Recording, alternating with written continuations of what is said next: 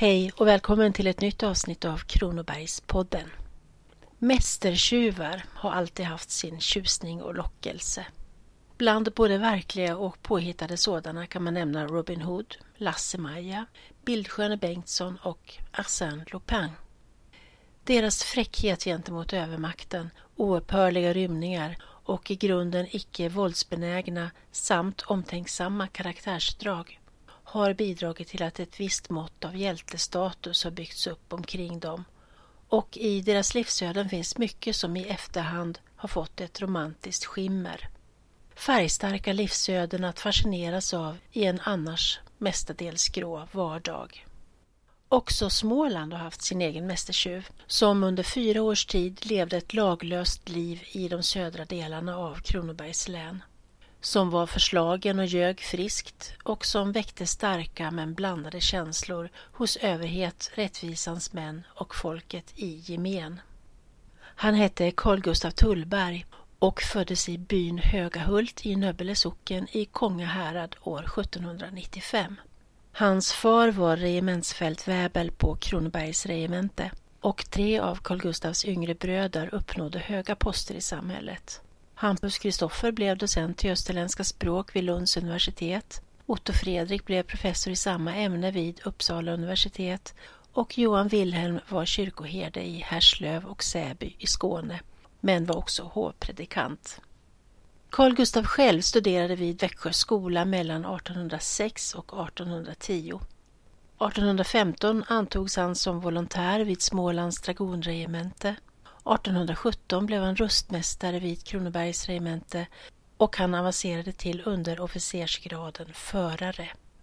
Sin 26-årsdag firade han hos en bekant där man spelade kort om pengar och kom i bråk. Tullberg blev anmäld för stöld det kan eventuellt ha funnits något svartsjukemotiv gömt i anklagelsen. Men därtill var han också indragen i ett faderskapsmål, anklagades för mordbrand samt beskylldes för att ha brukat våld mot en snushandlare. Det var mycket strul i Tullbergs liv och på hösttinget i Ingelsta 1821 dömdes han till fängelse i ett år och fem månader samt avsked från det militära. Han överklagade men fick avslag. Och må hända var det något som brast inom honom och från denna stund kom att avgöra den fortsatta inriktningen i hans liv. För han sa upp sitt arrendekontrakt för mönsterbostället i Göljahult, Linneryds socken där han hade bott och yttrade samtidigt att har samhället gjort mig till tjuv så ska jag också bli tjuv.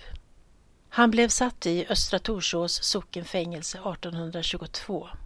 Därifrån kommer en notbok i vilken Tullberg skrev ner hela sin violinrepertoar, för han kom från en musikalisk familj. Den omfattade folkdanser, ceremonimusik, dansbeskrivningar och folkvisan Kristallen den fina som hans bror Otto Fredrik, professorn i Uppsala, som också var känd som studentsångens och manskörernas fader i Sverige, hade arrangerat och på så sätt lyft fram som en känd folkvisa.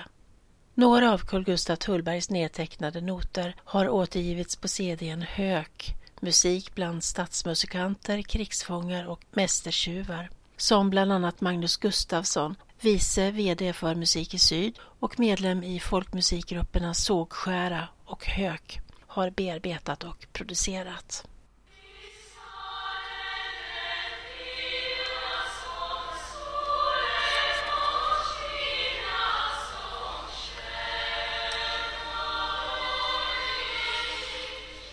Tullberg rymde från sin bevakning i Ingelsta och höll sig undan ända till 1823. Men när det i juli månad detta år försvann 200 riksdaler från tingshuset i Ingelsta började man jaga honom och grep honom också och han sattes i kronohäktet i Växjö varifrån han också flydde. Då gjordes det en stor efterlysning på honom i både Kronobergs och närliggande län. I början av 1824 greps han och dömdes att avtjäna sitt straff på arbetsinrättningen i Karlskrona. Men också därifrån rymde han snart genom att medan han var inskriven på Amiralitetssjukhuset plocka bort tegelstenar under ett fönster och krypa ut genom det hål som uppkom.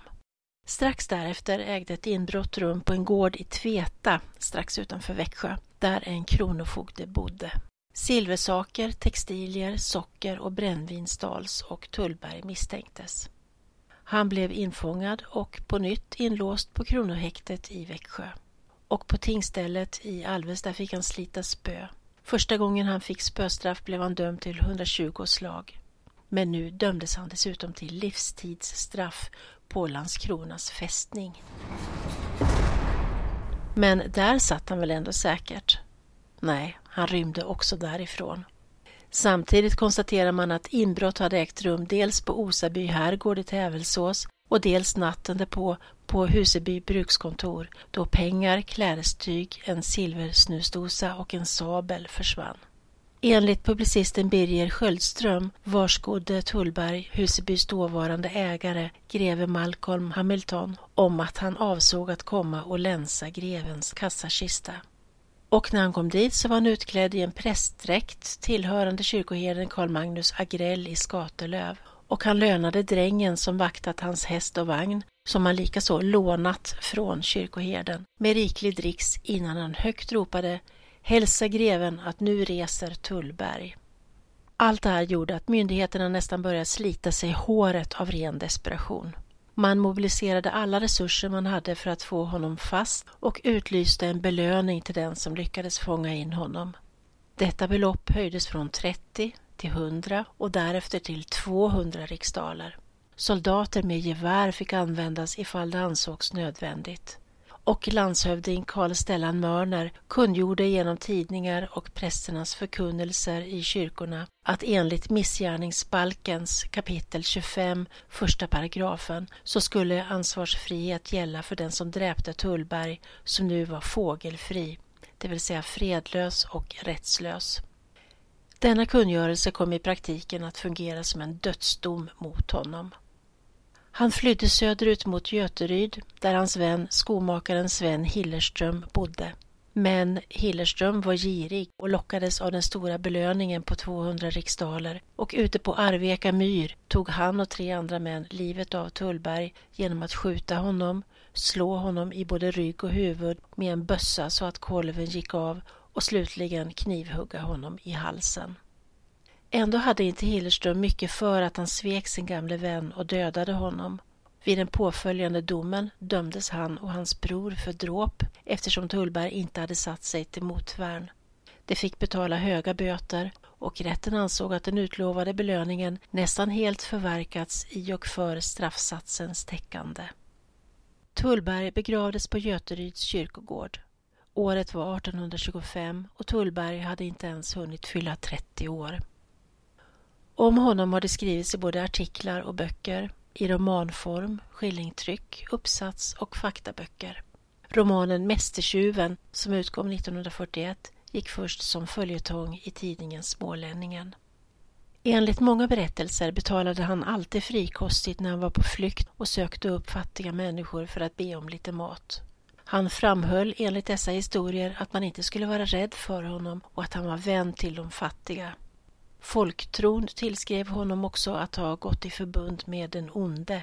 Det skulle ha skett en natt utanför Nöbbele kyrka då han av djävulen skulle ha fått tre gulddukater som skulle skydda honom. Hur såg han ut då? Jo, han beskrevs som 192 centimeter lång och med stark kroppsbyggnad, något koppärrigt ansikte, svart lockigt hår och enligt uppgift något skevbent. I Älmhult kan man besöka både Tullbergs grotta och Tullbergs gran under vilken han lär ha förblött. Älmhults kommun beskriver platserna på sin webbsajt Sagobygden. Ett område vid Arnhult i Slätthög kallades på sin tid för Tullbergs fälla. Och på Göteryds kyrkogård kan man besöka Tullbergs grav där Göteryds hembygdsförening har rest upp ett minneskors med texttavla. Sålunda kan också mästertjuvar få sitt eftermäle och gå till historien.